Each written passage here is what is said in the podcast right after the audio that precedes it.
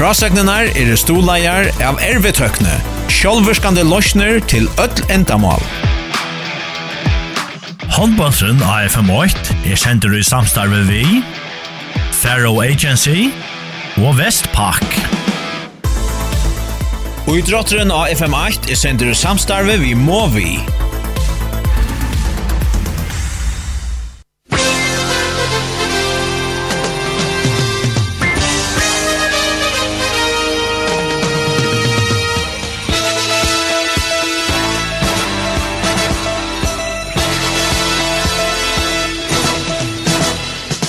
Velkommen til FM Holfelavnar og vi leggja 4 vi Team Klaksvøk motor ha 91 ta er Burn Dalton. Just well sure. Takk fyrir det her. Her er en fraligur høyre som det alltid er i badminton høtli Klaksvøk ta til en Klaksvøk spiller. Tonleisson, honom bilar Otje og hattar spegaren. Så til å få lov og etja folk affæra og i Kjørsna kjepa Goart Hosensort. Det er øyden sier, mer damat og salige veller enn håndboll i Klaksvøk. Det er faktisk er som nok som ett år här kanske mont til hinner Arne vid där just Hompols radio. Og til som det att fall gjør seg att Tim Klaxon just är så ser ser väl och nu i det største distet jag Tim Klaksvik i søvne här till Halvfinala om FM Tim Klaksvik og i måte ha ein halvfjers. Og dette er om jeg skal røyna minnast til 3-4. Hette kappgrøyre, ja, vi sier fra dyst under mitten Heinan Fjers og Team Klaksvøk. Da første, det var en dyster i Høyvøkshøttene, som Team Klaksvøk vann vi ein og male, og ta Oksia vid att at dette kunne være mulig ikke at Klaxerskingar skulle spille halvfinaler om förra og och mer enn det. Är det för att vi sötte fram Team Klaxvik och Heinar Fjärs her og i badmintonhöllene Da check. Da var att han ut och säger till att säga Heina Fjers vann og det gjør det helt det jeg vill at att jag så er minnes best til stund Det var det här var første vaxan av hade til Ola Mytton og han fær Iva lest en leiklod åter og i det att ända vi största til Heina Fjers, som Vers har vi tapt tvær dyster og i landskapen til alt året har vært bare hemmavalt i måte Team Klaxvik og i måte VVF som att spela i mot KF og i morgon. Vi er tilreier til FM endaspelet. 2022 for å begynne om skamma stund. Ja, og jeg leser til kone Leikerne som for at uh, Sørja fyrir tøy og i dag. Vi begynner vi Klaksvøysjinkon. Malverjaner er Jakob Johansen og David Henningmann. Tusen takk Så är det utspelaren Hans Arne Bjarnason Thomsen, Valentino Valentakovic, Bukstevanovic, Beiner Johansen, Sakers Ludvig Sunason, Wilhelm Wilhelmsen, Samla Chatraflöte, Jan Eli Ragnarsson, Peter Marsen Eliasen, Eipjöt, Leon Leifson Arke, Samuel Jakob Djurus, og så manglar vi Jens Morsland Samson og Jens Paula Mår. Og venner av Bønstrøn Tjating, Klaksugir, Heini Hansarsson, og Jon Jakobsen og Einar Dam. Så har Einar fjers, så er det der så Skal vi finne fram en retrett, så er det der så leis. Ari Dam og Pauli Jakobsen er malverger, så er det der, er det der Sveinor Olafsson, Paule Mittun, Petur Thomsen, Ole Mittun, Hans Kari Hansen, Sætjer, Trøndarsson Frydal, Jon Skalum Wilhelm, Petur Mikkelsen, Janus Dam, Djurus, Rowe Ellefsen og Skibagøte, Paul Sørmund og Gerre. Roger Siskason, Peter Krog og Boje Hansen av Venjabansen tja. Heina Fjers er Simon Olsen, Peter Mittun, Jens Ashiba Gøte og Ari Jekvansson Olsen. Og som vant er så blir det å takke fætter i kanskje omkring leikere som Lorsland skal heva øyren etter, det som de kunne vant å høre navn ja ofta. Klaksesmein er da særlig ein over. han heter Vuk Stevanovic, toppskytt i Burndeltene, hever möjliga at koppa Sjolvan Filip Jojic av trådene som för ja, kjøtt tuttjaren Søyan, i hest häst vid Søyan så igen. Det är toppskytt jag första sinnet. Här har fyra tim Klaxvik og Søyan hever han våren toppskytt av Kvörjon Are. hest för Vokste Vanovic ger hon Skarsbank Annars Valentino Valetakovic har vänstra batje og i höver Och byen uppsättningen tjat i en klagsvåg hever veri stinn, hesa her distnar. Så, altså Jens Palamor har alltid haft några ölja sörliga lajkloter, sörliga avgjande stövun här. Han kan röja nästan öppplås av öppnån. Och så David Henigman i Maldon. Han är en öjlig lichel till om det ska ettnasta koppa. Stor, stor, stor favorit någon ur Høyvøy. Fyra hajna fjärs här kommer vi nämna ölja nekvar. Vi såg Tarboar, Ola Myttun och Paula Myttun börjar in i backkedjorna. Samma vi Roger Siskasene, Siskason, Adjan. Siskason eller ung backkedda. Paul i mitten blir 20 år och Ole Mittel, Ingrid Broren, 16 år gammal och 16 år gamla Roger Syskason och högra Batche. Och med kanske tätt jag lyssnar på allt så Och där är det fyllt redan så sen signas så ser man inte ifrån. Men kanske ser bra vi på någon. Paul Jakobsen i mål så säger backarna här till Roger Roger Siskason. Roger Siskason Paul mitten och mitten av vänstra vånge Jens Stamjur så högra vånge Peter Thomsen in i strikne Peter Michelson. Och mitten gör av för första från vi bocknar så vi han helt en korsne. FM enda spel i Burndelten i er färje igång. Final Fjärs, Lebra, fyrsta allop i enda spelen. Paul Mytto. Hörte vi det också så. Han tog jag ut och skjuter. Räcker stunds nu ut och Tim Klaxvik för bulten. Tim Klaxvik för bulten. Och där förra bulten rattlar kött fram bokstavan med Choppa hänga längt utifrån. Ja, så skjuter han undan skott och Paul Jakobsson går tror blackar Heinrich för bulten på ena i åter. Vi tar klaxusleje som tar börja nästa för tar färre i allop. Skulle jag just en liten bit stund där så får vi bättre hur jag ser leje så där var någon som för att spela möjliga. Har jag försökt spela just det samma allop i Roger ska såna är det för det pura pura fröjer. Hes för David Henningman för det och efter gott in i den klaxsök. Han ska gärna börja vi Neckvon Neckvon Bjärgingon. Jag kan citera en man som heter Kjartan Johansen som uttalar sig så att han blir nog med om ända spel i att Teg om avern en skjeit av første chansen her, så glömde det kostera sig. Så, så tog du knappt ikke spela hon på langer. Tien Klaksvik teka, Malvern ut og spela vi tjej, Monnon og i Alopnon. David Henningman altså ut i løtning, så og i Alopnon er av Vinsra Vange, Lodvig Sunnarsson, av Vinsra Batje, blant til Vende Kovic, Bukstevanovic midt fire, Samuel Kjallfett til Høgra Batje, og høyre vanje Wilhelm Wilhelmsen. Inna strikning er så Jens Paule Mår og Eisten Beiner Johansen som kommer inn i strikning Alopnon, skifter vi Malvern. David Henningman. Det är något som uh, Heinrich Iva Iva lest hava vanta og är det till lejer till till en klax vi rätt spel vi kör mot sex spel nu eh Det är outjande distans där vi Simon segnar där. Sitter jag plus og i enda spel Nå Spelar vi Samuel i mittfältet. Han tripplar sig inom tror jag så vi är bok bok och vi är fixed vi är till Lottvig men det är ofix han först fjärde bollen har han första fjärde bollen åter. Frammes 0-0 vid spalt i 2 minuter. Paul mitt under är bra. Vi är då last run där ja. Han Paul run att sätta tempo. Är det Osam de Bröner han och Jumper.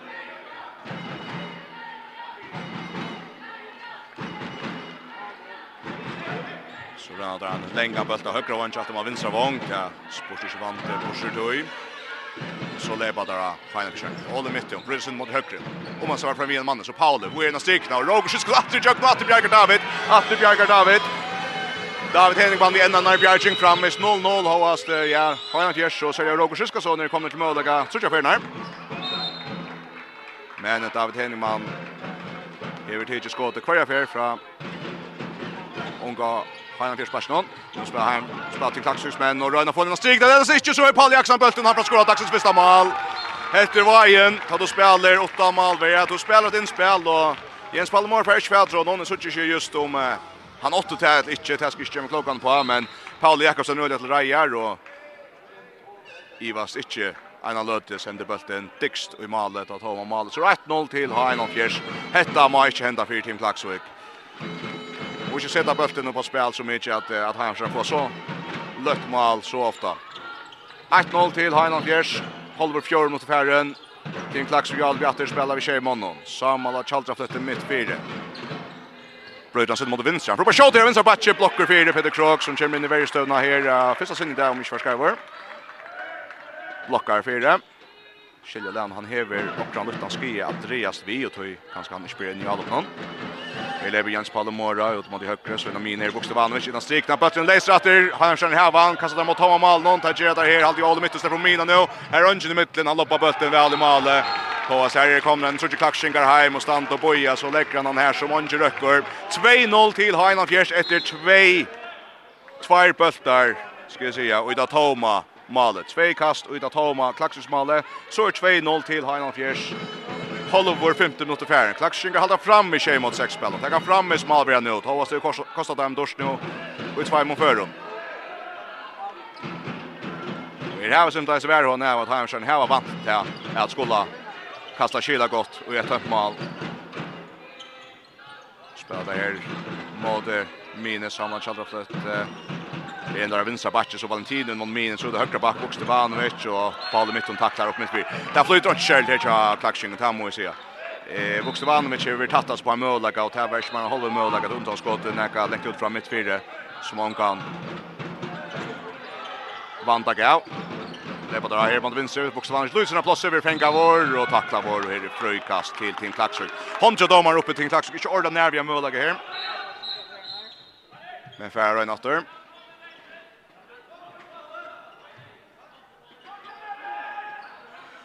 Daniel Hansen spelar upp av strikne. Malvern är kom den nu. Han kör domaren upp. Ska hämta också Kjötje Valentino. Han får skjuta stannar skott och Håsta kanske hever. Han blir guske så Paul Jakobsen är helt stor skjutla kan möta.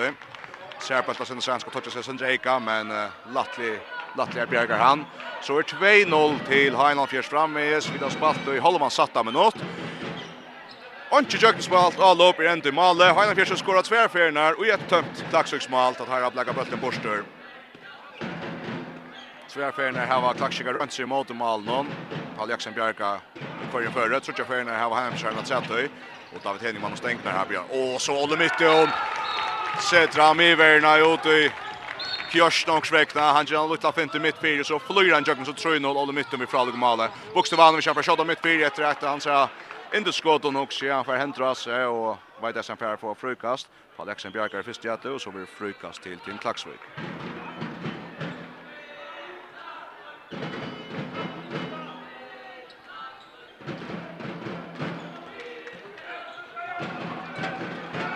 inn og Det er lyst trist her, så Samuels ut til, og så er det Vuk, og det leper bra fra vinstra, Batje, og Heimfjern sier han ikke tråk, men dommeren sier nei, tisset innanfyrir, og så kan Tim Klaksøy komme til det første malet, det er at jeg har vokst i vanvits for å teka brottskast imot Paula Jakobsen og i H1 malen. Og han langer bøtten opp i malhåttene.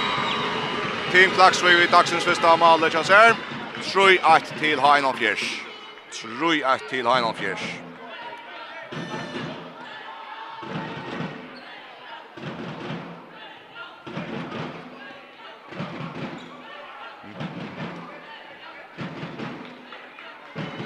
Heinan Fjärs är nere på Paul mitt och mitt fyra. Will Rogue så att till Ola så kör Paul den ut i högre. Backa center ser att jag har skiftat där Paul kör fair och mitt fyra. Det är bra stannar skott. Oj, är rymmar skott från Paula mitt. Och Talle mitten till 4-1 till Heinan Fjärs. Öle gott alla upp här från Heinan Fjärs. Kan ska första och nästa runda över och mitten så vi från Lukan Jökbro det Janne med som Instagram Garvik. Här väl sett upp till ett rännskott till Paula mitten han lanka bollen i nätet. Luften hoppskottet.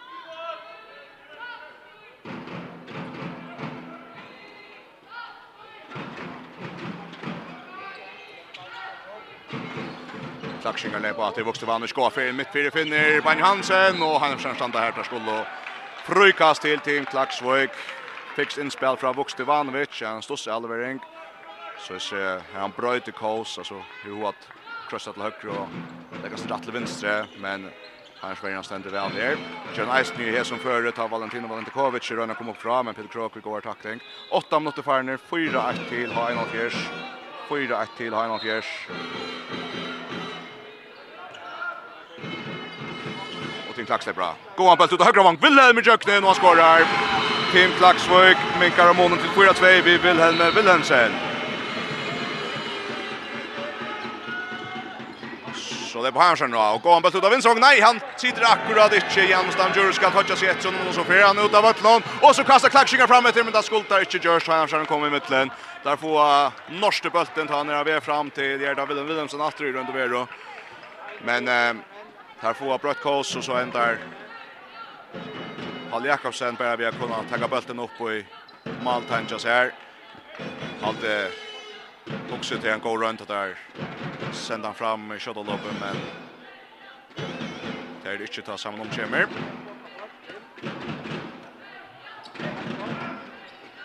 Paul i mitten, är till Ola mitten här bra in med mitt fyra så Paul som sen Ola till Ola bra från vänstra backa till Paula och så på ena sidan Roger som kommer på er. Paul upp gör alltså fram i första mannen så bollen läser och han ändar ut till hotnakast till Heinafjörs Det är klaxvägen för norska bollen väl och vill att få så vattra bollen av bollen och nu tar vi hotnakast till Heinafjörs men här var också lust i Sverige. Allt där Ivas och center först Ola slapp ikke jøkken på en av veien vi søgner fint det, og så Pauli helter ikke, og så skal det sende for Brils ganske, jeg vet ikke. Så vi ser ganske videre leide til noen årsøkken til at Heinrich ikke skal få så latt spil, så vi da har sett der nå haft igjen at høy. Hoddan kast til Heinan Fjers. Honja domarna kom opp, ikke helt greier om hvordan det och efter Alver en gang. kan inte veta helt stora. Jo på alle midten är bra mitt står Och måste röja första så stripplas i jukten och han er fröjer och han skorar skjut. Sia mal. Olle mitten till 5-2. 5-2 till Heinan Fjärs Olle Bukste Bokstavanovic. Sätter bulten ut av högra vång. Vill den ta av bulten och så sätta Takshingar kända mannen. Nej, det känner inte du bock för att finta här och så finner han Wilhelm och Wilhelm för Jökten tar av och minkar mot mål fem tror. Wilhelm sen vid sjön under normale.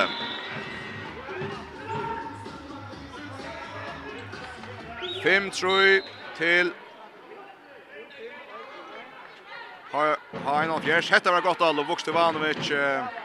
Det är bra mittfyr. Det sträcker flermans till sig. Så rotar han sig läsan och trekker opp at det flere manns til nok, så jeg så skal han sätter en bæg, Lebra Bassen, bæg mig och Vonker kommer, så sätter in och så finner han vondjen, Willem sen så Paul mitt och oj Lebra han bra och högra backe vinner sen det är fram i sin første mann, och sin neste mann, så i 6-3 Fjärs Paul mitt och vi går och jucken bröd i Och Valentino Valentakovic, krossar Wilson, han kjallar på hänga och rymmar Bjerg fra fra Paula og i har en av fjersmalen og det enda så vi en, en noen hotnakastet til nei, så kommer innkastet til til Klaksvøk og det er gakt inn der Klaksingar det er ikke mål, det er brottskast der finner Jens Paula inn i strikten der teker innkastet nok så kjøtt og flytta bulten vel fram vi har en fjersverne så spiller den til Jens Paula strik. han venter seg færfaks bulten i målet men han blir tacklar liksom in i måltiden så ända nästan jag stand i måltiden också att domarna ser och det blir så brottskast istället för mål. Vuxte vann med Ströns att brottskast. Han skorar så första. Høstøsen først, Boja Lange. Og så bjerger Paul Jakobsen. Så bjerger Paul Jakobsen, Tim Klaksvik for å få bulten at vi innkaste. Tim Klaksvik for bulten at vi innkaste. Paul Jakobsen vi storar, storar bjerging.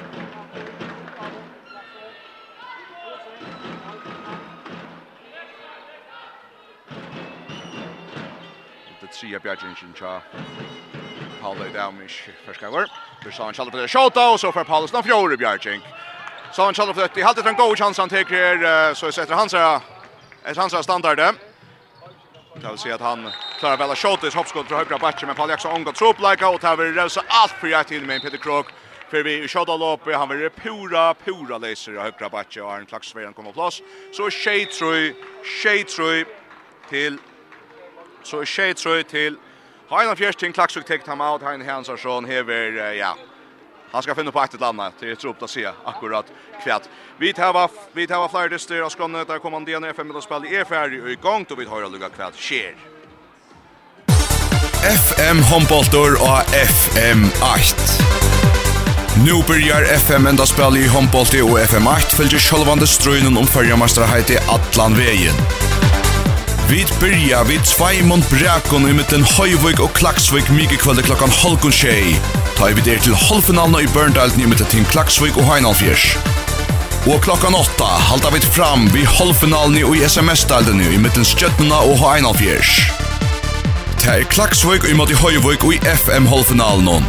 Mykje kvelder fra klokkan halvgon tjei og FM-8. Tutt halvfinalo Håndbolls Radio. Frasegnenar er stoleier av ervetøkne, sjálvurskande løsner til öll endamål. Håndbåndsen AFM8 er kjenter i samstarve vi, Faro Agency og Vestpak.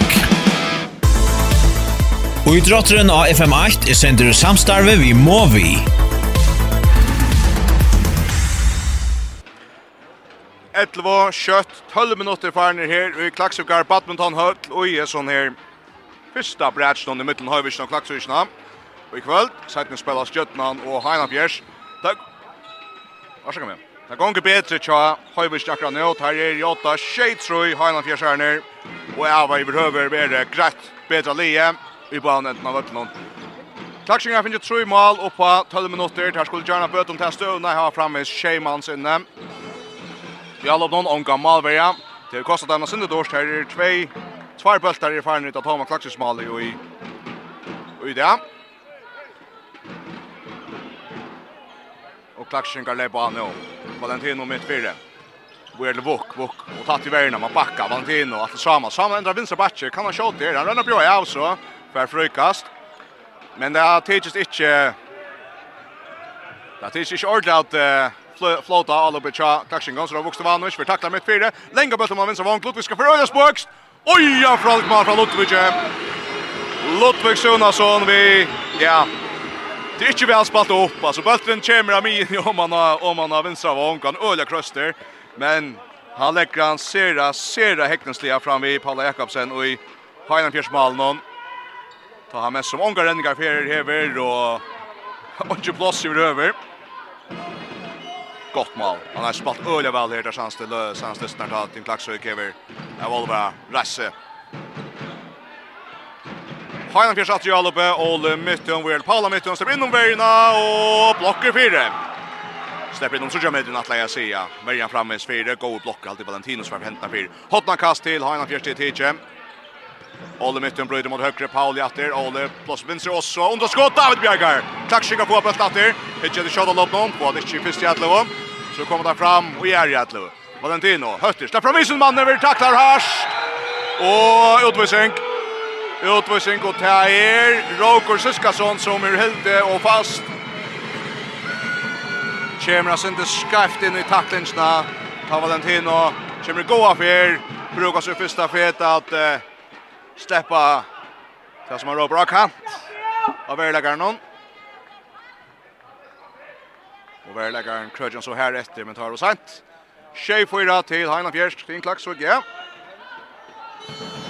Kan være näka av en möjlighet att komma in till dysten. Skora av väl här Janne. Nu spelar ett spel Valentino. Vi är till oj. Valentino syndrar trubbla gott. Fåta sig att det och så blir han tacklar här efter. Valentino hickar særlig efter Vok, som han legger fyrsta plats. Första plats fra högre så Vok Stevanovic, det blir mitt fyra så Valentino i själva plats och bare skjåta! Paul Bjärgar. Paul Bjärgar. etter är jøkken spalt, Men uh, verjan Charles är synder boja lunch vill inte låta dem i jöknen. Så ända faktiskt vi är färre hoppskott mitt fyra och jo, det kan man köra det gott men uh, inte att du hur möjligt kan spela i jöknen uh, vi är någon lägre flyer av ötlorna vill jag säga. Har jag fjärsan ner uh, har vi kör och fram i all upp nu. Har vi så Rowe eller såna Shibagöda som kommer in i högra back. Så spelar samman här att Sysna Böttner, Rowe Shibagöda, Paul Mitton och Rowe Ole Mitton i backen av backposten till Hagen. Nu då Pallen av vänstra backen. Vi är Ola mittfältet så Rowe högra backen hötte. Vi är alla till Olle. Och måste ha framvis mannen och så kommer han Eister fram. Vi är fortare här efter. Brottskast och utvisning och vuxte vann vi med ha och i 2 minuter. Vart han löta här vi tog så att Tim Klasse kanske en Gå möjlighet att komma in i sunnare Meire Lota Stövås och Kjever hetta en smite Astrid Måter. Kader Thomsen teker brottskast mot David Henningman. Skårer. Boja Lange sätter bøtten fram i standande bein om högre med sig. Vinstra flotcha. Malvianon.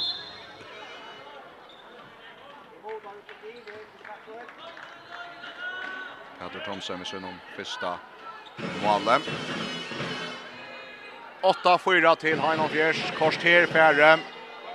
Det stämmer inte en kanske mest som vatta. Heinolf Jers vid Storm Tamer halt här. Så då samman kallar för väl Jens Paul. Jens Paula fröjer. Malvin Bjerga med här i brottskast. Här är brottskast. Jens Paula räcker skjut faktiskt inte andra ut av Paula Paula. Det ska se han skjuter mot mannen och Paula Lasberg fyrjer. Tar hälsa sluka och ser till Jordan. Så för Tim Klax ska ta brottskast. Här blir Biner Johansen. Vuxte vanan kör bränt aktigt där. Och han skorar. Han skorar. Sender bulten helt ned i målhåttene. Minns med seg. Paul vi vid sin høyre foten, men dette sitter. 8-5 til Peinanfjers. Tim Klaksvig minkar månen vid Beine Johansen.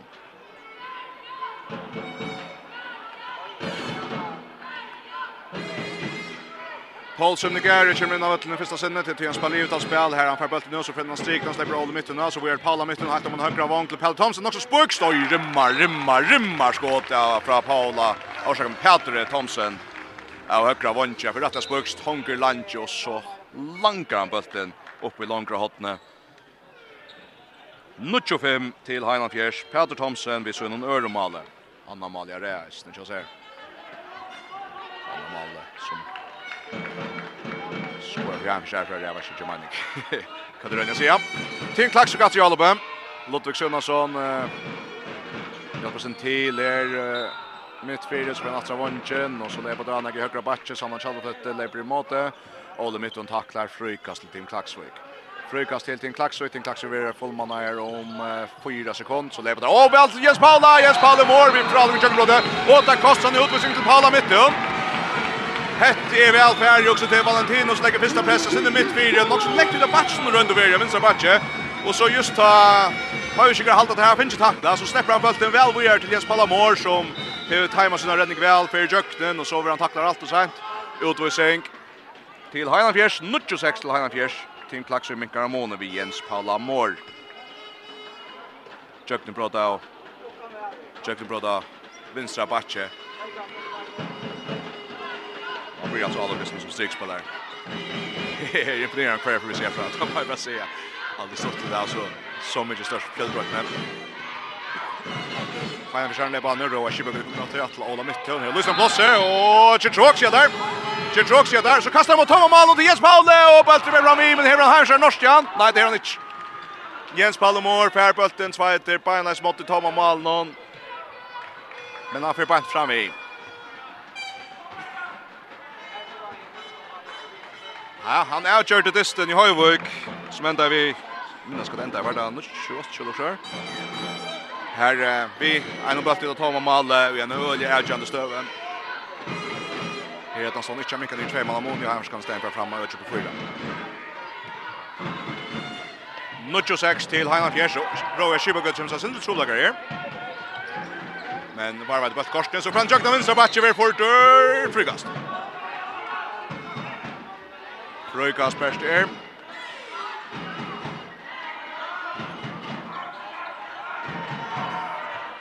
Han har skjedd på at Olle mytte og oi, oi, oi, rymmarskott. Ja. Øyla hua vant han til henta unga høyvisinje. Og der ser man han kommer en renneskott midt fire. Verjan Sjón Bench vi han gjør sånn her 1.50 så langer han bare til en rennende skott og der synker vi malåtene. Tutsch 6 Lena Fjärs Ole mitt och så nu fjärde målet og ett fralekt av standen. Kött, nu kommer til farner her i Klaksvøk, 26 til Heinan Fjers, og i fyrre og halvfinalen i Åmpermeisterheite. Lodvig Sundansson han får plass nu, han kommer i kjøkkenen, og han reker av stansj nå ut, reker inn der og så inn av stansj nå ut. Nå er heppen i heldig til Klaksvøkken. Nå er heppen i heldig til Klaksvøkken her. Och Heinemann kommer föra fram att Deutsche blir fem mål mån.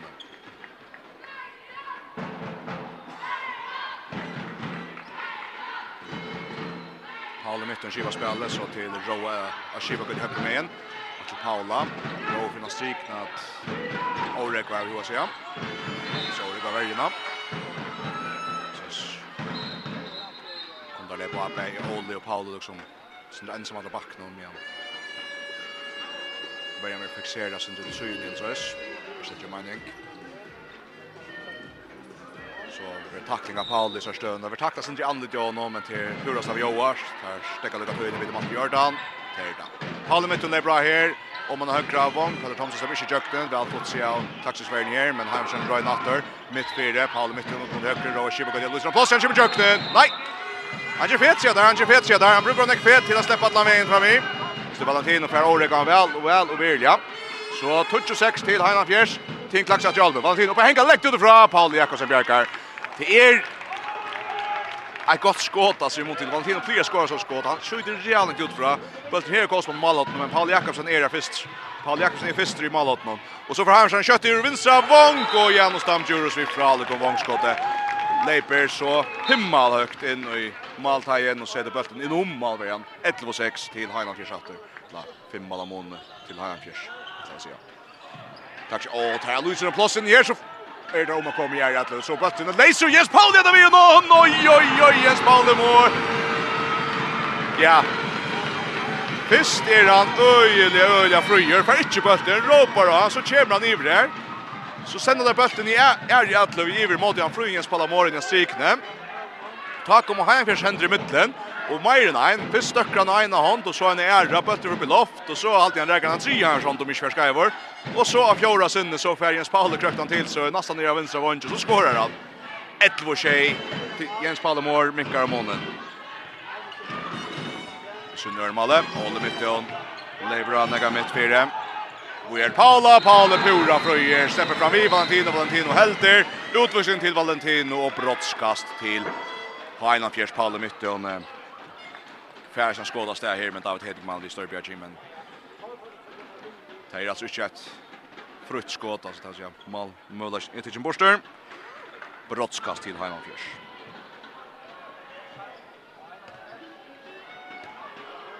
Peder Thomsen teker brottskast efter skorar sig första. Efter det är han goda löte och så sätter han just det samma steg som han gjort det första målet.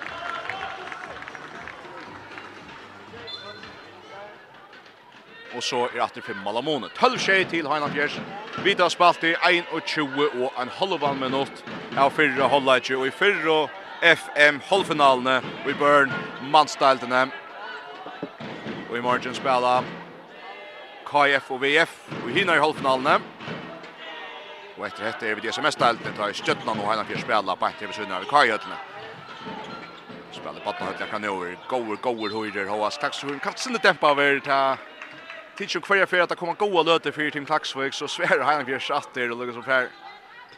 Fer det sin nive nakkan, her vi jo se. For Lotte Sunason har kommet på bøtte midt fyrir her, vi takler han også harsht, men ikke mer enn frukast. Tølv tjej till Heina Fjersten, Klaksvøk i undertallet, spiller sex mån i alla på någon kommer av inne. Ludvig Sjunasson kommer atter inn og bjør av mitt fire, vi er takla vår. Det er det gode tre klokken her. Så er håndtidameren oppe, nå ansatt er seg ikke, vi vokste vanvis, kommer lengt ut i høyre, så fra skåt i sted eisene, og tar tag i frukast, det er ikke fytta klokken, det er rolig godt det. Til en klakk så ikke, ja, så vil tøyen stekka. 43 sekunder stod jeg og utvisen ikke tja Tim Klaksvøk. Og Tim Klaksvøk satsa sin trepa, eh? Ja, han så dömer uppe där. Sätt inte Marvin in än. Och där så skjuter här vi måste vann och skjuter i högre. Det ger nästa och han fer i målet. Och där får Marvin in och ett är väl ett shot i Klaxvik. Vuxte Vanovic. Så det första målet till honom ut från ja. Fight att leverans har andra mål i behöver. Jag ska ett brottskast till ja. 12-8 till 12-8 till Heinan Fjärs Vuxte Vanovic. Vi målet. Öle kanske kommer köra klackskyng ner. Hemsjön spelar ut av spel. Länka på till högra vång. Pat Thomson jökt att det. Oj, oj, oj, han skorar väl oss. Peter Thomsen vi ser någon. Trea mål för att leverera. Gjorda. Skorar i brottskastspant igen. 13-8 till 13-8 till Heinan Fjerstin. Klackskyng att jag uppe.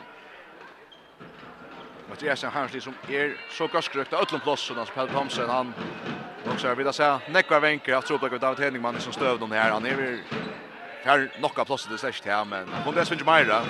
så lanka han bulten på målet. 13-8 till Heinan Fjärs. Tim Klax och Jalobö. Vi har spalt i kött. 24 minutter. Och så rör Vuckan och blint Elvin går om ett sin till Bayern Johansen men uh, tar vi frukas på inte Arlen bulten för sig fram i. Vuxte vann vet inte striknatter och tar får inte fält så är tömt mål. Kvatcher Peter Krok han hickar upp. Kastar om han vinstra vong, Jan Stjur ser han, så kommer han Jöknum av inn, og så er Björstan åtta, og så er vi upp i 6 mål av månet til Haksamånen der. Jan og Stam Djurus vi tøy noen og etter rølja vel, ja, hva sier jeg, fire kjipa av Heinald Fjers. Det är frestande Chap Peter Kroga kast mot Tom till Tom Maldon. Han vill lösa Orek han vill så stannar så spelar bara fram efter. Tar är shot där får bulten fram vid Tvimon Sendingon. En Malver ner kommer in. Så kan man shota ut Tom Maldon från 6 meter. 14-8, 6 mål av Moni her, kjøtt fem minutter etter å spille og fyrre holder ikke. Heidan Fjersø i total om temmerhalte. Vuk Stevanovic, Boira Sinde, så Boira til Valentino, så Vuk mitt fire. Vuk brøyder mot høyre. Jeg lyser luser plåser, Atle Valentino, Valentino bakkar. Atle Vuk, stepper til noen, så gjør meter, nei, så bra takler av Peter Krog, bant av, så gjør meter noen. God takling fra Pedri Krog. 14-8 til Heidan Fjersø, vi da går fem minutter etter å spille av fyrre hållet her, og i fyrre og aller første halvfinalen og i FM etter spillet noen som noen, Burnt Eye til Nightingale. Saman kjall opp til det bra, ut i høyre, Batje, hvor er til vokste vann, og kjall Simjøk, faktisk, Vinsa Bonje, og han var. Det är Her er frøykast där har der hava uppe där der var Luigi och och efter att det spelas här vi av, av Elverengon. Jag vet inte om Vuk skal sjåta nesten her, lengt ut i venstre batje. Nej, Carvel Valentino, ja, tror alla brukt opp Nick. Oj så skjuter han allt och sagt Valentino, då han vill utvist. Ja, här är nog kanske se till. Där har frukast. Där har där steppar bara att att skjuta. Och tar väl så spela vidare och Valentino han för att skjuta ur 11 metron. Kanske mer inte här runt vidare. Han långa bollen med målet nu. Problemet är att uh, han har gått ut Jörn Gert här så har domaren sagt att han har i bulten. Och att det är synd dåligt av Valentino. Nu får han en utvisning. Pura nu, ja. Och Klaxin går upp att det större trubbla ner. Och här känns ut spel. All i mitten. Pura fröj vi även så går upp att det och Janstam Djuros i trycker. 16-8 till Pajna Fjärs. Janstam Djuros. All i mitten och vinner så in tvåtest där vänstra backe och Fast han är så ser Jökten så spelar han chansen upp att det större när jag vänstra vann Janstam Djuros är kuffa och att Alla uppe nu. 15-8 til Heinan Fjers. Heinan Fjers i halvt vi at spekla kvelden og dysten, så er som Eisli Hever ett kjent her. Til Klagsvik Hever så haft okkur størst comeback i 28 år. Men det er her i høttene mot VF, der raks og bare ikke sier stå, aldri at vi nudger mål enda vi tapper vi egnom. Det er spennende hvordan vi tar sluttende. Og Vokste Vanvic etter fraløk, kommer Røyler for midtfire, oppa henga langa bøtten nede, 15-0. 15-0 til Heinan Fjers. trea mål til Vokste Vanovic, og hette er nega som til takk så simpelt må få Meira, og det er Meira Vok simpelt Nå lepa Hansson av Ole Mytte, og nøy, oppskott mitt fire. Og der, der kunne ikke være døyen, der kunne ikke bo i et sånn, han kan alt. Leper opp, hoppskott av vinstra batje, langa til 16-0. Ole Mytte med sin 15 male. 16-0 til Heinan Fjers. Ole Mytton Öljo Male. Och Klaxen går i allt allt en ekonomi utvisning går nu full man är om en 6 sekund. Ta goa för till Klaxvik. Ta är att eh, du spelar ju sauna Malmö. Så gång det är som ta Tajer som tar tills Tajera. Så börjar man sönder av slötton i Höjvik sån där. Ska bara vinna tant distan. Ett mål och nokt. Så så först att tvinga Vi kallar det så halvfinal röna ut i en trio agentist. Här lever Sanna Chalder ja, vi över, tacklar av Peter Michelsen i mitt fyra. God tackling. Hancho domaren uppe, klaxen slås bort till Vok, Vok för ensam att inom åt, sen gör på stik som en men Gamanoi, han vill tackla länge till Vötlen i högre. Spyrir där domaren kvart här rätt tror jag. Alvin Gon, jag vet inte Vok ska bara färsha över det. Jens det, hej han skorar det. Hattet det han. Vok vann med 24 fjärde mål. Brännas under gång där. 16 toucho till 16 touch till Hannafjärs vuxte Vanovic via ett er symptom. Skåd på Sronko men man vet han kanta? Så är öppen för sig vita för att skjuta men han är så snill där och så går det så skottstöv någon här han. Och sväckna här dor att han skjuter bollen fram i världen kanske som av en skärbult Paul mitten vill hålla mitten här i Hamshall upp någon fram i sånt 16 touch. Roa Shibagovic en gott skott och Krapache Maverick Bjergar. David Henningman Bjergar. David Henningman Bjergar. Så får jag klackskinga framåt. Bucka att ropa Hanka. Och han räcker stånd för. Oj, så framåt. Lentan liksom in i vägen i Chap Pelter. Mitchell ser in här för Pelter, Buck och Jens Paul Morch till klackskinga på åt. Klackskinga är inte ordentligt nökt. Vi kan föra fram mer. Jag sa det rastlått inte. Buck... Som jag ser i stövna så är det alltså skåt. Och här händer alltså Bäge. Så Brestan harstin och i här verjarna her på Jens Palmor, Alice Bench til Klaksvik og Peter Mitchellson verjar Bench han fyrir standa og så fælla liksom allir koll og Buklenta sin ytla og til saman. Men jeg alltid hans for eisen Aja Bølten, ja, ja. Og ikke dømt. Og ikke dømt. 16 tutsjo til Heinald Fjers. Vi hava 1 minutt og 20 sekunder etter av fyrre holdet her i fyrre halvfinalene i FM enda spel. Fyrra halvfinalen om förra mästare heite Heinar Fjers. Favoritaner er og greit og åtta og greit og manna. 16 tutsjo til ja, Heinar Fjers som tar der tamma out time skjønner. 16 tutsjo til Heinar Fjers skjønner. Ehm vi tar en god minutt etter fyrra halvleik. Vi høyrer lykka. Kjell Meira vi ta til dykning der og Anna Kjørsland. FM Homboltor og FM 8. Nu byrjar FM enda spil i Hombolti og FM 8 fylgjer sjálvande strøynen om fyrjamastarheiti Atlan Vegin. Vi byrja vid Sveimund Brekon i mittlen Høyvøk og Klaksvík mykje kvölde klokkan halvgun tjei. Ta i vid til halvfinalen i Børndalten i mittlen til Klaksvøk og Heinalfjers. Og klokkan 8 halda vi fram við halvfinalen i SMS-dalten i mittlen Stjøtnena og Heinalfjers. Det er Klaksvøk i måte Høyvøk og i FM-halvfinalen. Mige kvelder fra klokkan halvgån tjei og FM8. Tutt, halvfinalo, håndbollsradio. Frasegnenar er stoleier av ervetøkne. Sjolverskande løsner til ødel endamål. Håndbollsrund av FM8 er sender i samstarve vi, Faro Agency og Vestpak. Vestpak. Og i drotteren av FM8 er sender samstarve vi må vi.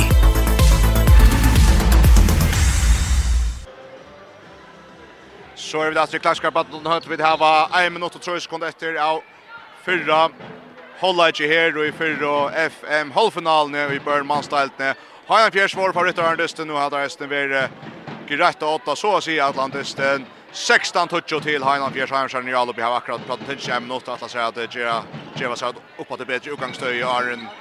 Vi skulle in i släcken, men det går kanske nu Alubi någon i halvtid och Shipa Gøtus røyner en sån här hitch borster så hikker annan vägen och lekker han så innan strik inte strikspelaren åt hitje etter noen. Han får fram Jötland. Tack så mycket för bollen åter. Här är det 25 sekunder etter. Här kan så få oss här att halvt helt nick bättre utgångsstöj till Sætna Hollaik, vi har mykka nere i femmal. Ska se, det var ju att vi har nutch mot VF, ta för ish längs sedan, ja. Det är gammal det, man har sett att det var Arnjol, väl där det. Skulle han minnas allt i hötten. Och det fattar sig man. Men det går själv Jonas spelar Jonas mål, han vill, oj, nej, han är öppen. Aj, tog ju från fjärran nu så får han skjuta på en läs frukast. Och Jens Palamor är självande i ögonen. Det som händer, det är Jens Palmor färdbulten i strikene. Och här är han tacklar vår. Och så gick han upp vid 6 sekund. Jag släppa, jag släppa, jag sätter bulten, bulten spelattor. Och han renner sig ut, tar trycka med ett kast, tar kanske en fyra skott efter. Och så langar på till Beinais och sätter bulten nete. Problem är Malbergen, han, nej, jag ska Malbergen, domaren. Tar sig att uh, han har inte tistat rätt ett och så vi halter tar sent tar bruksla att den är att hacka. Jag alltid att värjan inte rätt rattet så så. Så det blir det Beinais frukast. Och står här blir det skora på Panas frukast. frukas. Det var på hans frukas mot en mure. Boxvallen steker här är en block för det. Bulten stöcker mot mål men Paul Jakobsen kan bara lofta bulten. Här är Hollager först halva tömmen spalter och i FM halvfinalen och i Börn Manstelt när Hanna Fjärs. Rätt 16 touch. Malchestan är det har varit så lejes för ting tack så mycket vuxte vann med skora fyra mål så var Arch utöver att ta en luncher och skora ett annan så skora en tre mål också så. Det är några klaxingar har absolut bruk för det. Så gjerne Wilhelm Wilhelmsen vid tvei med Malon, Lodvig, Sunasson ett mål, Beiner Johansen ett mål, Jens Paule Mår 2 mål. Det er til Tutsi Tjatin Klaksvik. Fyri Heina Fjers, så skorar Paule Jakobsen da fyrsta mål i det at han sender bulten ur Erik Normale nian i et tømt til Klaksviks mål. Så gjerne Ole Mytton, som alltså ska se första mål på just här och just samma hårt som Paule. Han har skorat fem mål i det. Unga större talent som eh, allra helst spelar sitt uh, första och ja för senaste enda spel här på han alltså skriva åt mål han har skrivas åt mål vi ser vi upp i Sverige. Han har tagit stöpset vid fem mål. Paul Mitton som Einstein spelar ut senaste enda spel här som sen han ska till norra. Ska ha skott två mål. Peter Krok ett mål, Peter Thomsen fyra mål och Janos Stamjuros tre mål. Det är 16. Ha Einar Pierce malene, annars är det inte kan se. Jag vet inte om vi ska röna att och konkurrens eller röna att hitcha ett kan kanske var spänning. Det är simpelt han måste få till dags som man får vuxna mer spel och där skulle jag vet inte. Jo, faktiskt där skulle ha David Henningman neckmera vi sin fru Bjärgskott. Han fick en jag Risa Bjärgskar Brian så han tar över att inte finns fjädra några kors att komma fru i jökten ett att ha skott ut från här fjärs här ner. Eh och som hittar på Malta och så så så borde stöan kanske vara uppe på det värre än 16 touch för Klaxvik. Så här är så vi där ser vi där ser att David Tiche eller Nickvar flyger Bjärgård för att han har gjort det där och ta jag har alltid att det sitter det här Klaxingar måste sätta så dåligt. Paul Jakobsen hever helst upp på det player Bjarkar än David och där. 16 toucho til ha 1 av fjers. Vi taka en stekk over at vi setna holda ikkje bænt etter dysten her, så er Kvinnentester, FM halvfinalen i midten, Stjøtten og Heinafjers. Så gjør vi sjående resten fra. Takk for først. Så er vi da strutt Laksvikar badminton høll her. Ja, spenningen er om FM final og strøye. Det er fyra FM halvfinalen i mittlen Heiland Fjärs og Tim Klaxvik og til han ikke sier til at Heimskjern var rattelige, rattelige. Stor favorit av vår tippa er tippa er røy, røy, høyt og gjør stenda spel nå. Det er jo Heiland Fjärs som er vi om han har Den fyrra hålla inte ner. Det är 16 toucho till Heinald Fjärs. 16 toucho till Heinald Fjärs och igen dysti här till en klack skulle inte ordentligt mäkna att hötta Heinald Fjärs näka. Nevne verst og om der så här så är det kanske etter väl Paul Jakobsen hever kjørt slutt til till att det är ikke för Maira i Malin att visst. Nu er det klacksingan tar Bria, så vi är per 6 månader i allop någon. og dysti vi tjej månader och Rösar någon hasch förtjänar några fina och Vuxte Malmö har röna undan skott här till er ett av hans ett känt skott då men Paul Jakobsen att vi rymmar rymmar Bjärking Paul Jakobsen fram vid 16 touch till Heinolf Fjärs och en årsöken till en årsöken någon till till att det alltså Paul Jakobsen han han just teka ta utspelare med ta ta känner nog mycket förvånad vi vill säga. Det är så sex mål om 16 touch till Heinolf Fjärs. Ole Mytton dags att stoppskytte här av vänstra backen. Här spelar han Paula Mytton mitt fyra. Så går Ole Mytton mitt fyra ut Paula efter Paula. Kopplas ut av vänstra vång igen Stam Juros väl jukten och Jesha Röljan genom mycket skott någon igen Stam Juros cross upp Jora mål och det är ett minster vångskott. Helt fantastiskt. Det blir himmelhögt in. Bäi högt och längt och så långt bult upp i målhotne och så är gott varje spel från Heinan Björsin med Bukt så vann det bra vinstra bakke, bant inn i måte Pedre Thomson og Roger Siskason, og tar såna fyra og Bukt blir dömde for et tråk, då og han lever da Sejan Tucho til Sejan Tucho til Hainan Fjärs.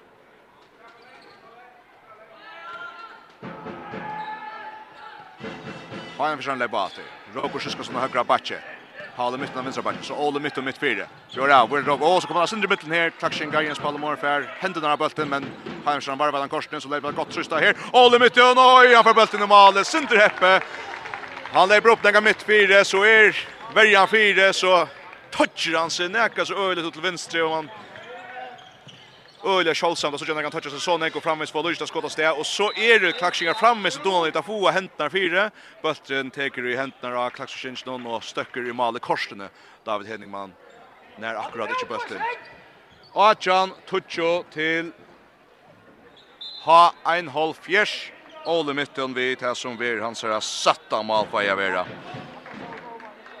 Team Klaxvik och i Alo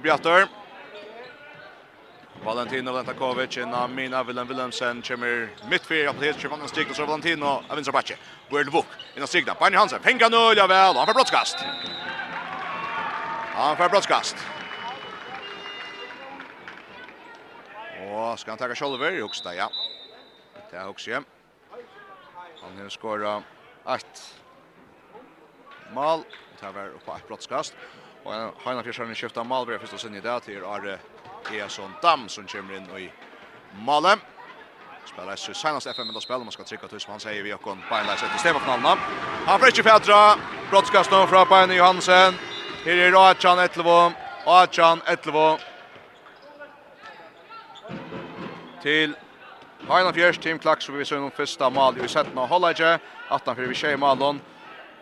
Bein Johansen vi ser en örmal efter två brottskast. Jag ska ikke och sagt det om hvordan linjen standa.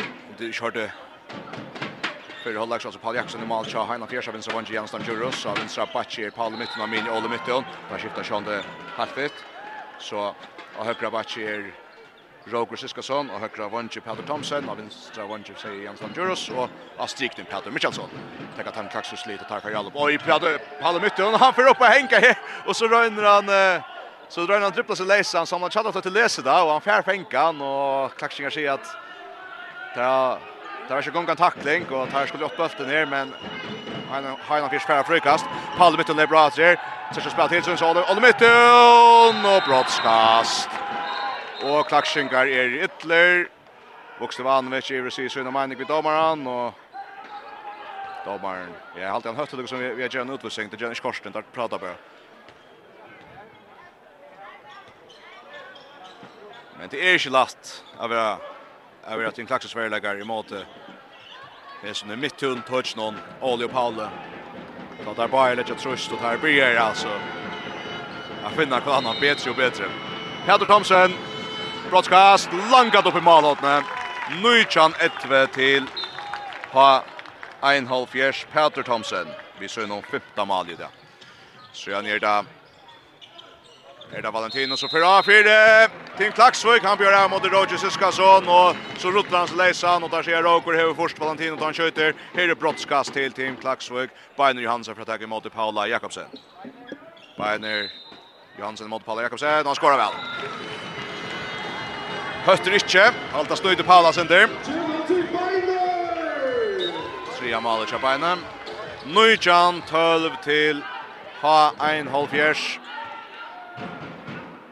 Nujjan 12 til Hain av Gjers. Vi har spalt i 4 minutter og 45 sekund av Sætna ikke her og i første FM halvfinalene og i midtelen Hain av Gjers og Team Klaksvøk.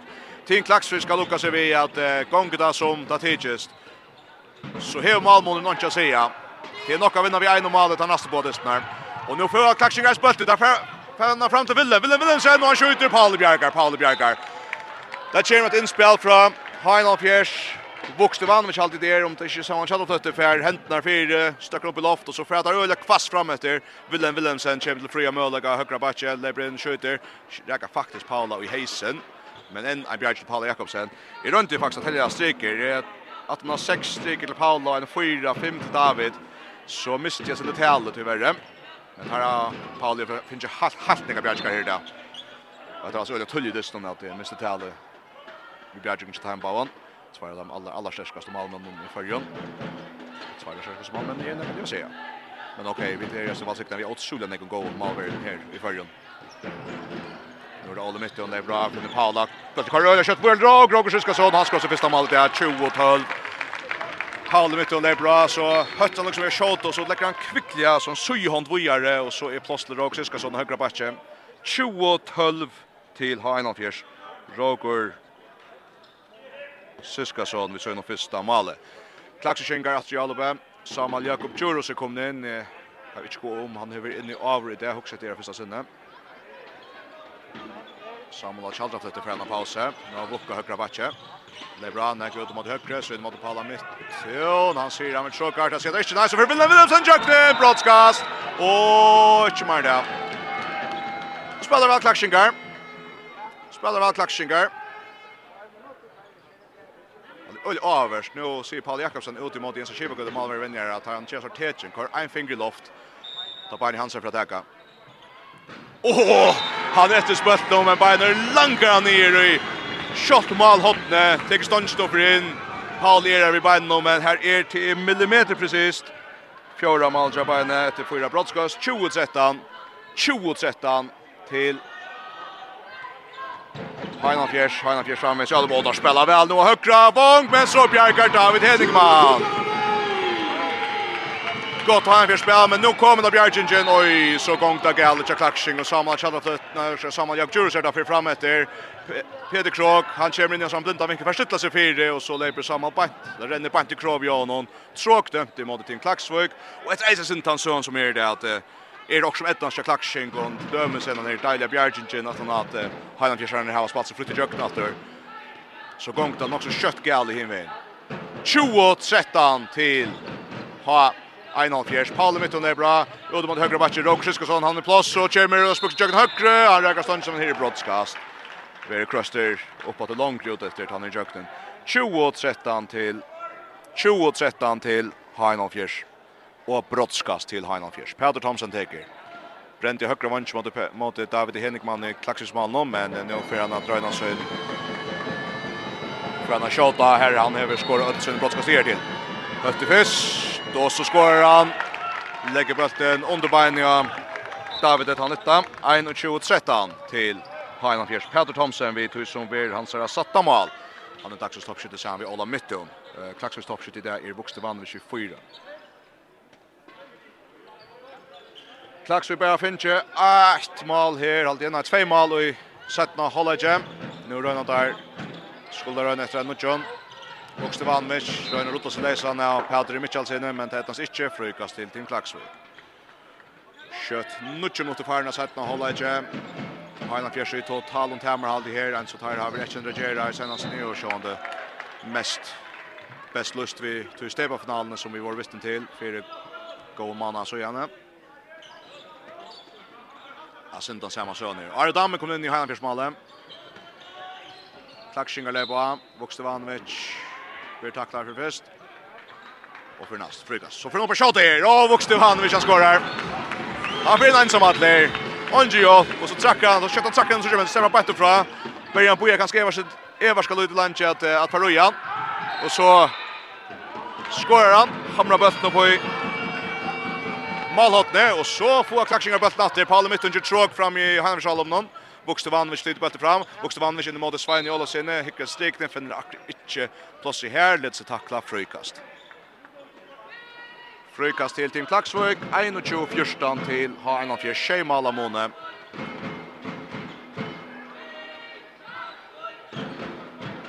Paul Jakobsen, han har sett seg vid eh, omkron i vaton i anledet.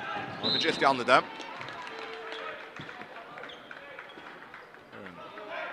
Så skal han faktisk ut i fysa på den.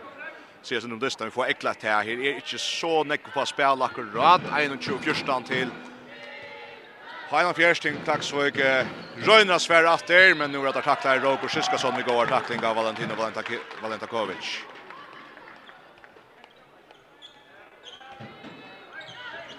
Valentino, Weird Bain Hansen. Og for brottskast. Så skal han vel ta shoulder Valentino legger en sånn han bølt rundt om världen. Ja, Paul Jakobsen han har finnet ilt under vängen. Jag gör rundt över. Gånger fram vid Ötlund. Han har skår ner. Bein Hansen teker, men Arit Dam Bjarkar brottskast någon från Bein Johansen. Och så halt i att han börjar Lucas att det är inte vi har i natt i rummet. Sean Grunau till han ser det ser det mycket så så vet det nog stäffest nu att det är inte ett nast. 21 första. Ja, för det är fel. Tack han såg klackshingar vi. Alle mitten av vänstra backe, Björn Rao, vi är det. Vi tacklar Naga för fisk så Roger Siskason, Amine, vi är vänstra back Oljatter, Amine efter Palle mitten. Vi Och är alla mitten. da David Savon Jansson Juros. og David Henningman Bjergar. Jansson rett rätta spukst till Jökten. David Henningman vi går Bjergink og så kan det vara klaxingar skulle för präcka med ska nå. nu. Men nej, för först till Roger Siskason her att han går takling av Valentino røyner at eh, Fritjett godt å och opp sammen her. Frukast til Team Klaksvik. 1 och 20 och 14 till Heinolf Fjärs. Vukstovanovic i Krastik, nu är det Valentina vinstra backe in i Mina, så innan sikta, Bayern för tack sätter han för Pedro Bulton, nej det Janisch Korsne, han ska få nå allt för ett fram till Thomson ner topp mål och mål. Oj oj oj, Pedro Thomson Vi så någon.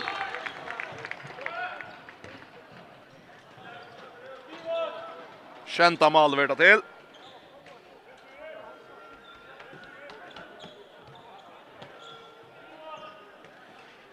og så er 22-14. Månen at oppja 8 malo. Vokste vann og kjøper henge her, oi, oi, oi, rymmar, rymmar skott. Etta skulle blå Vivi, takk sig Garda, må simpelthen bare leta Vok få av bølten, og han skal få en annan at stretja verden, og sinter tattar malen, og så må Vok komme her i, i gåa krossar. Ulla klassisk toppskott mitt fyra. Skulle nästan tro att uh, han är hukt efter kappgarnetan och uh, av toppskjøttestand Filip Jøjic. Fralukt mål fra Vuksevanovic, hoppskott mitt fyra til en cross i går här. 22-15. 22-15 till Hainan Fjers. Hainan Fjers att Jalper. Roa Shibagot kommer in att. Håller mitten i pausen. Roger Siskosson högra backe. Så för Roa Shibagot bulten av vänstra backe. Weir Palla mitt och mitt fyra. Weir Roger Siskosson. det högra vånger. Passen på Thomsen. Och så bjärgar David att det. har Fjärs fängar Torre. på till Alop. Så kommer David Henningman Henning man gång. Och detta är nu till här så så Jesus så han stövnar. Hette är det som må hända för din klax som tar skulle han näka Lovlia och Jesus halvfinalen. Om inte det så tar nästa snäsne. Det är David Henning man tacka till och vuxte vann som man til. till. Och nu hans onka möjliga. Palle mytte och nu vet inte om han lust mer med han får att sätta bor på platsen så fram vi bock han ska Michelin med Valentin Valentino kvar ska hålla där man. Paul flyr i jøkne mitt fyra og David Henningman onka møllaga her er 23-15 til ha Einhold Fjers Paule Mittjøn vi Malle Tria maler, ikke sier.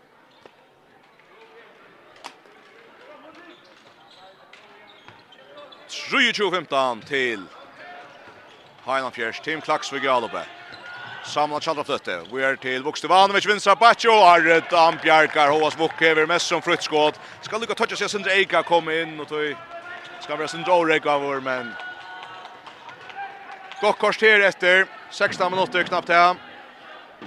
3 och 20 och 15. Till... Heinan Fjers, och Heinan Fjärs är her, här. Akvarskrat här gommen och dess till något er i hållt via kvällan da sista Petter. Roa Shiba går till vänstra backen. Det er bra och tråk dem till Modjonon. Samuel Chalop det gör det greier om kanske händer här. Sacka ganska lite för datter och så fer han. Ta han ständer stytler, Roa på etter krave.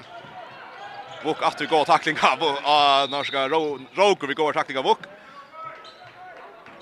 Klaxingar vill jag kanske ha att här ska också stömas men domaren säger att Tarbayer Bok och Roker som har varit rätt kunnar hon det kan sälja. Roker tacklar nog snäcka Bok här att så inte passa åt där ska han sätta det inte göra något väl. Team Klaxvik åter då i Alobe. Mitt fyrjer. Bokstavanovic har från spelbulten strikta och Hajmskärn får han och så kundar för Atlavin i animaltajen Cham. Team Klaxvøk, Onge Malver inn i Team Klaxvøk, eller og spiller vi Kjeimann, Jalup Nån og Peter Thomsen, vi synon, åttanda male. Heinar Fjerskjerner, Hona seg. Her fytta folk i banden. Her er ikke Nikol Armer. Och då spelar väl Klaxingar. Där vill Benny Hansson kör Leo till samma challenge av högra backe. Skåst och Salving. Inspel in till Benny Hansen. Han skorar väl. Bayern Färs så sökt mål nummer 5 i det. Halta först upp någon spel med minnes rätt. Skora fyra brottska östarna han så brände ju mot Aradam. Sen öle så att det Så skiftar han sen Paul Jakobsen ut som alltså högst över skatta. Han får skifta upp men vi uh, hälsar för Eja. Adam kommer in och han har flera öliga bjärskar med andra brottskast. 4-2-16 till 24-16 till Heinan Fjers. och de spelar vänner stigna Paul Mitchell som skorar. Paul Mitton Lockar han spelar ut till Sön Hickerson till vänster spelar han bara fram med strikning stegen och så i 25-16 till Heinrich Gers nu till Malamone samma challa för upp och skjuta mitt vid han får bulten fram i Göran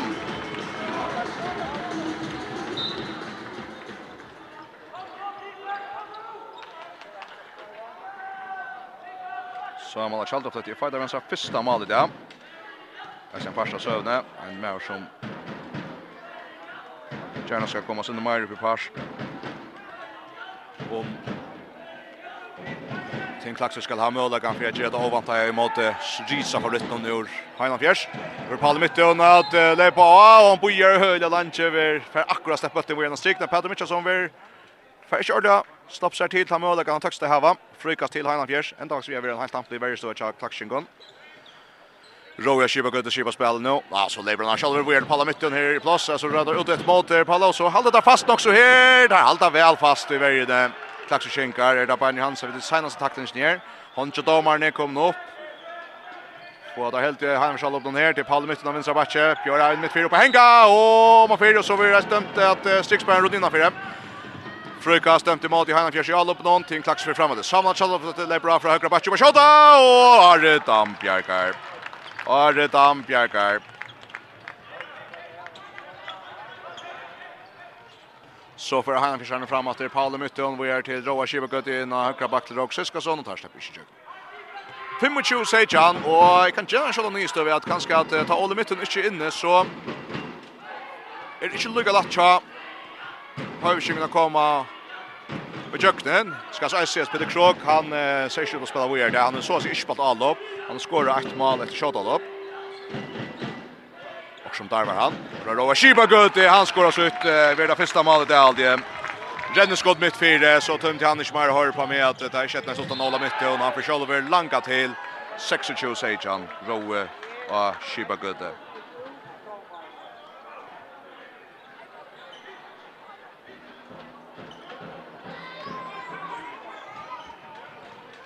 Jan Eli Ragnarsson er inne i strikten tja Tim Klaksvøk sammen med Beine Johansen. Så høyre bak høyre vantje Wilhelm Wilhelmsen. Og så er Jens Pallemor høyre bak. Han er bra her og han vil pengar inn i fettlet det tråk dømt imot Klaksjikon Klaksjingar hava ikkje finnje malverjan tja ser inn atter men eh, Klaksjingar takk ikkje av i fyrst i atlevo 26 Sejan til 26 Sejan til Heinald Fjers Vi tar var 11 minuter efter Här som dussen här vi har gjort det nog så lunch och här vi har läst att här kan det hända här. Det är att en rymma rymma här på Sverige som här steg ser starkast in och ett avlopp som men, klarar för de läckar in så lösner. David Henningsman här är för Pinta några väl om här tror han tror att Klaxvik i sätten hålla ju. Vi vill ha Berg Paul Jakobsson har damer steg ju väl hinnan då. Så Paul det bästa utland. Och nu spelar och nu spelar där fixar bollen av Strikna här nu Strikna kommer in till Sacha Fresh Petro någon så för att vi klaxar in vem Pura flyttar vänster låter sig toucha sig center och tar där var han han ska toucha sig över till vänster och så ska han finna Jalmo en att han också blir till högre in i völlen över öle plats av vänster allt plats i världen ända faktiskt vi skjuter så av vänstra backe Pura flyttar jöknen men han är ju då så skott så här finner inte rätt Jalmo rätt och slatt Och ett Isaac Mendes det här var pura fria möjliga. Bara sitter Ackersson efter och så ända där vi gånger galle. 26 säger Jan till Ha en av fjärs Paul mitten och han vinner så inte det står släpper i säger ju säger Jan vi spalt uppe av Ola mitten Ingra Brornon Ingra Brornon Stefan Jens Paul, Jens Paul, ja, domaren sig han första lutcenter och så är det utvisning till, till Team Klaxvig, Jens Paul och Mors i två minuter.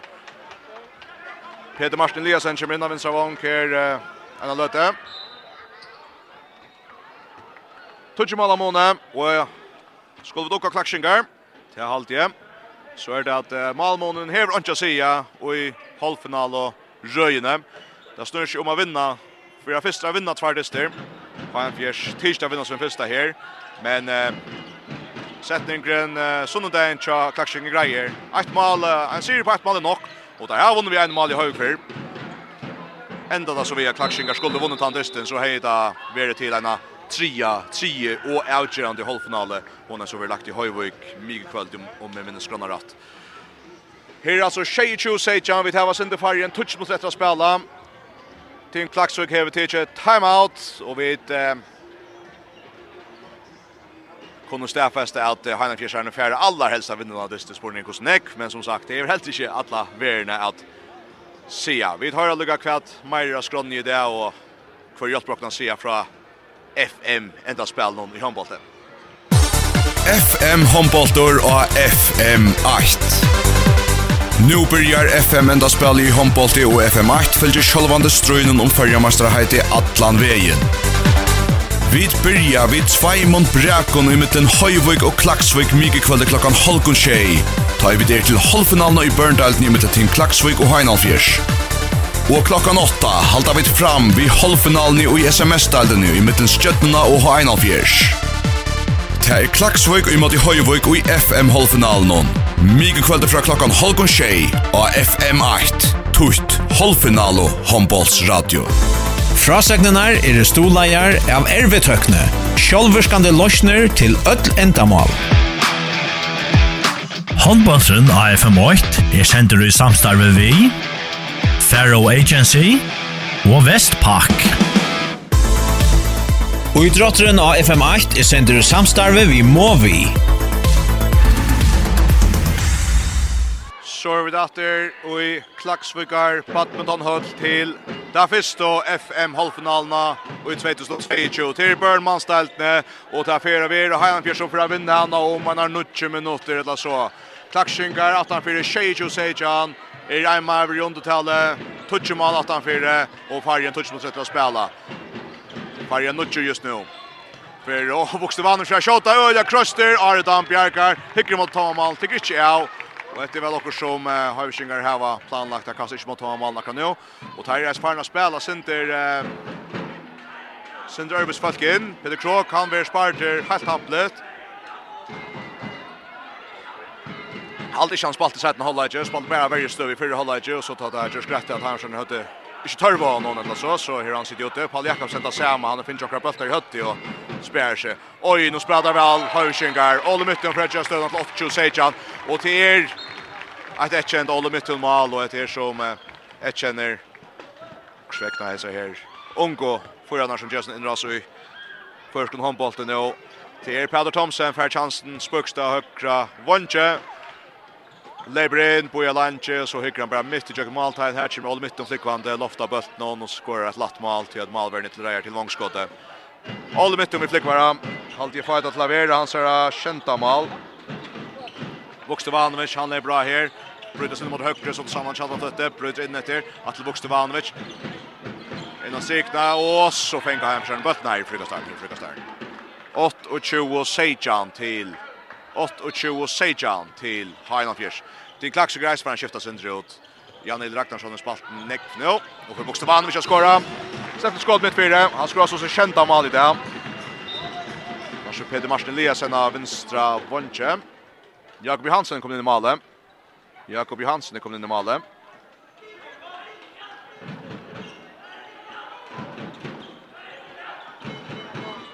Og Eibjød Arke. Stendt her det Eibjød Leon Leifsson Arke hadde lyst til rett, ja. Han er kommet av høyre vong, ikke en lekkere, ikke en lekkere særlig. Og jeg kjenner flest til Trond Njøt for navnet av dem. Nu Heidenskjern vi att släppa sig av i bulten men få han att korsen till frukast. han och tjej Stian Leisa men här var frukast den Arn. Jag tror att döma. 6 minuter och en fjärd sekund efter. Heidenskjern fjärskärner uh, spela ut till Anno Jan Vinsavong till John Skålom Ville men han kör drama för det. Hicken i Lekvan, inte nökte vi kosse bulten då. Och i hånden i här. tar han av första sidan där färbulten. Han räcker inte malen. Men framvis tutsi mala måne og i fire mån til Heinald Fjers. Seks minutter og tutsi sekunder etter. Og etter en disten så var det et ekstremt kjøtt skift i at skunta og avskvarer og radiokjør og alt inn i kajhøttene her. Stjøtnan og Heinald Fjers spela så inne halvfinal i SMS-deltene. Her er det sinte mer spennende distri vant til alle distri med Stjøtnan og Heinald Fjers har vært spennende i år. Bär linjen der var jeg av skia Rudan Larsen Tja Heina Fjers og Tore Eliasen som var de helt, helt store likar nere kursen med en Dres skia vi får at sucha för lösa ta bäst men det för en väl öppnare halvfinala och Esne att han precis som jag sett det särskilt att han har tappat då stämma finalen i fyra efter att Anders haft han från Murkappen 28 Achan til Heinan Fjärs som är Jalber Roger Syskason rotlas och Leisna vuxte vann men han var rotvist i halt i nej bara man bara nummer 2 i vecka. Han var rakta års i andra simpelthen. Och Wocker är i halvt i andra raskt att för att Björnberg på en av vägen. det händer rätt och slett det händer ju handbollen. Så så där. 28 Ajan. Tøy ver der sen øle øle shot saman omtøka her ur badmandan hatten i arm vi får kvika kun inn. Vi så ja.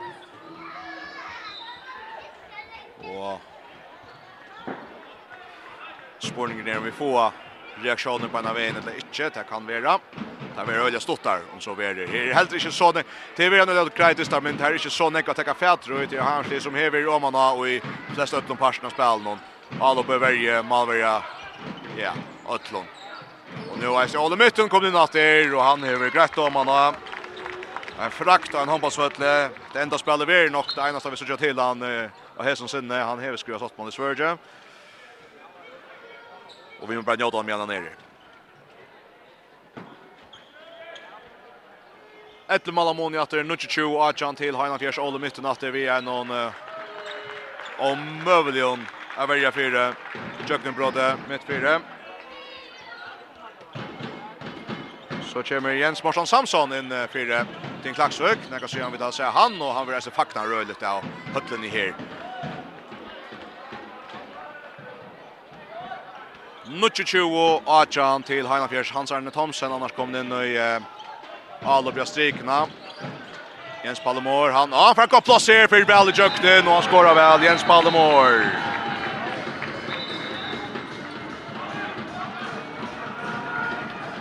Och vill du då kasta. Ja, tar vi till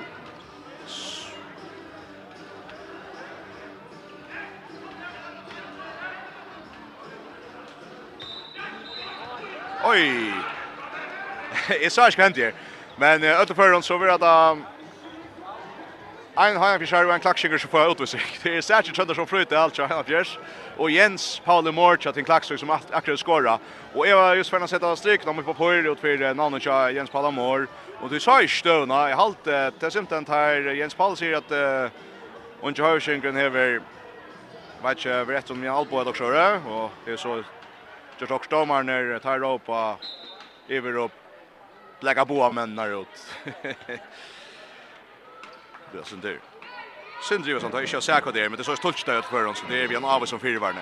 Nu är 20 nu John till Heinolf Fjärs att det är sin helt känner John stå på näkrom näkrom mata. Heinolf Fjärs när får det gå plats ut ja vänstra vant till Jon Skallon vill Han loppar men han loppar om han fyra han räcker faktiskt ner och ju blir charpat till Stöckeleser till Team Klaxvik. Tutsi Malamoner framvis, men Malamoner hever ikke sida ut i stora heila. Jeg vet ikke hva annars man kan tro i vår, Hva det avverst er om vokk for flere mal. Han er i toppskytta strøy vi Filip Jojic som færre mølaga mot KF og i Anna kvöld. En distribusjon sier fra. Klokka 8 i kvart fire. Nå vil han ikke male måned, Samal Kjaldrafløtt i hever. Finta seg i jøkken og høyre batje. Samal Kjaldrafløtt i fødder vil han seg Anna mål möbel jag glömt att honom. Annars är det går där kommer. CS sen den distant inte vill snäck på spel alltid att gångta shoulder så vi trubbla som här för vi som är runt det att sikta lustaren vet.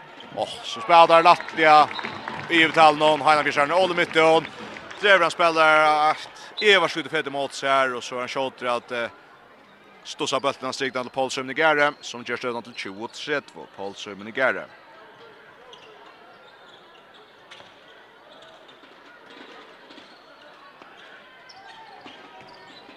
Hollywood Streams etter Jens Morten Samson fra Kjota. har hever omgå troplakker som kastar mot Tom och Mal. Nå nå kjølvande skal Aredam. Eisen ja Mal talen i det. Det er han venner vi. Aredam. Vi så ju normal första mål i det. Eisen spelar som efter ett när döma spelar så ut senaste enda spel. Hesar kommande veckan Säger Binance Radio och FM efter stävfinalen att uh, han lägger som Mal Standa som avs så säger onkel lägger gocken av hittarna. Tvär mot rätt. Tvär mot rätt där. 1 och 3 vid 20. Till Hajna Fjärs och Arda Dam han vill läsa gärna spela bara. Vi är samma chalta för för shota, samma challenge efter för shota skulle säga. Kommer högra backen, Nanka in över och skjutningar mittfält i attre mål i Arda många troplagar. Och det samma från the Bjarching. 21-20 er det da til Heiland Fjers, og så vil 2 det 22 til Eisen Nutsche Malskytte. Det er faktisk lagt oss til at se til Malskytte nå, til Boy Hansen og Høgra Vondtje, som er alle staksens toppskytte, Peter Thomsen. og skora sitt första målet. Ja, så er det 2-3 20, 12 mål av Mone og ena som vi kunne lägga ut her til er at ja, att det också jag tar upp att Marshalls från Klaxing och när här skulle Höjvgar sån på dagen. Är mot rätt nu och vi tvär att skuntocken efter detta att Jack kommer har golva får en reaktion kanske ut till spelaren kommer ut. Tackar det där sista Alpier.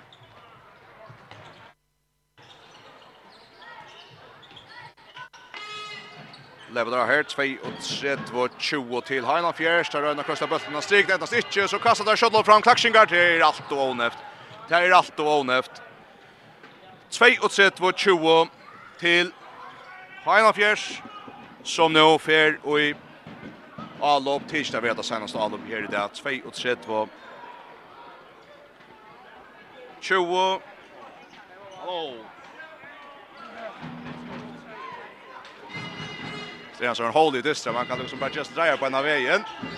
Här flott blir om han här, vi liker och gångna så är det en shot att få komma i kaj höll om han har dött det. Här är ett sekund efter, här är fröjspars, till, här är frukast till Heinan Fjärsmitt för och Ikke så pratar sin Roger Siskason och sin dronökte vi hvordan vi varst i måte og noen har haft enda äldre att unnskjøringen kör. Och nekve vi även också, vi i alt av vi har nødt til sammen Samuel Tjadrafløtte. Lägger Brester höras, Høyviks med igjen. Og det som er ved en sandrønt nå, og øye lenga tøy, det er Vi er ved her, og så för tøyen just etter at Boi Hansen i stoppnut jøkten av Høyra Vondje, og gjørs støvna til 3-3-20, som dissen altså endar 3-3-20. Og vi får at skundokna takka samman om her, for jeg lykker at lesa målskyttarna för det konsol så vi skriver att tar är en live. Vi har en av som fyra var nation Eh för för Din tack så var det vuxte vann med vi tar som en fight över Shemal Willem Wilhelmsen och två mål.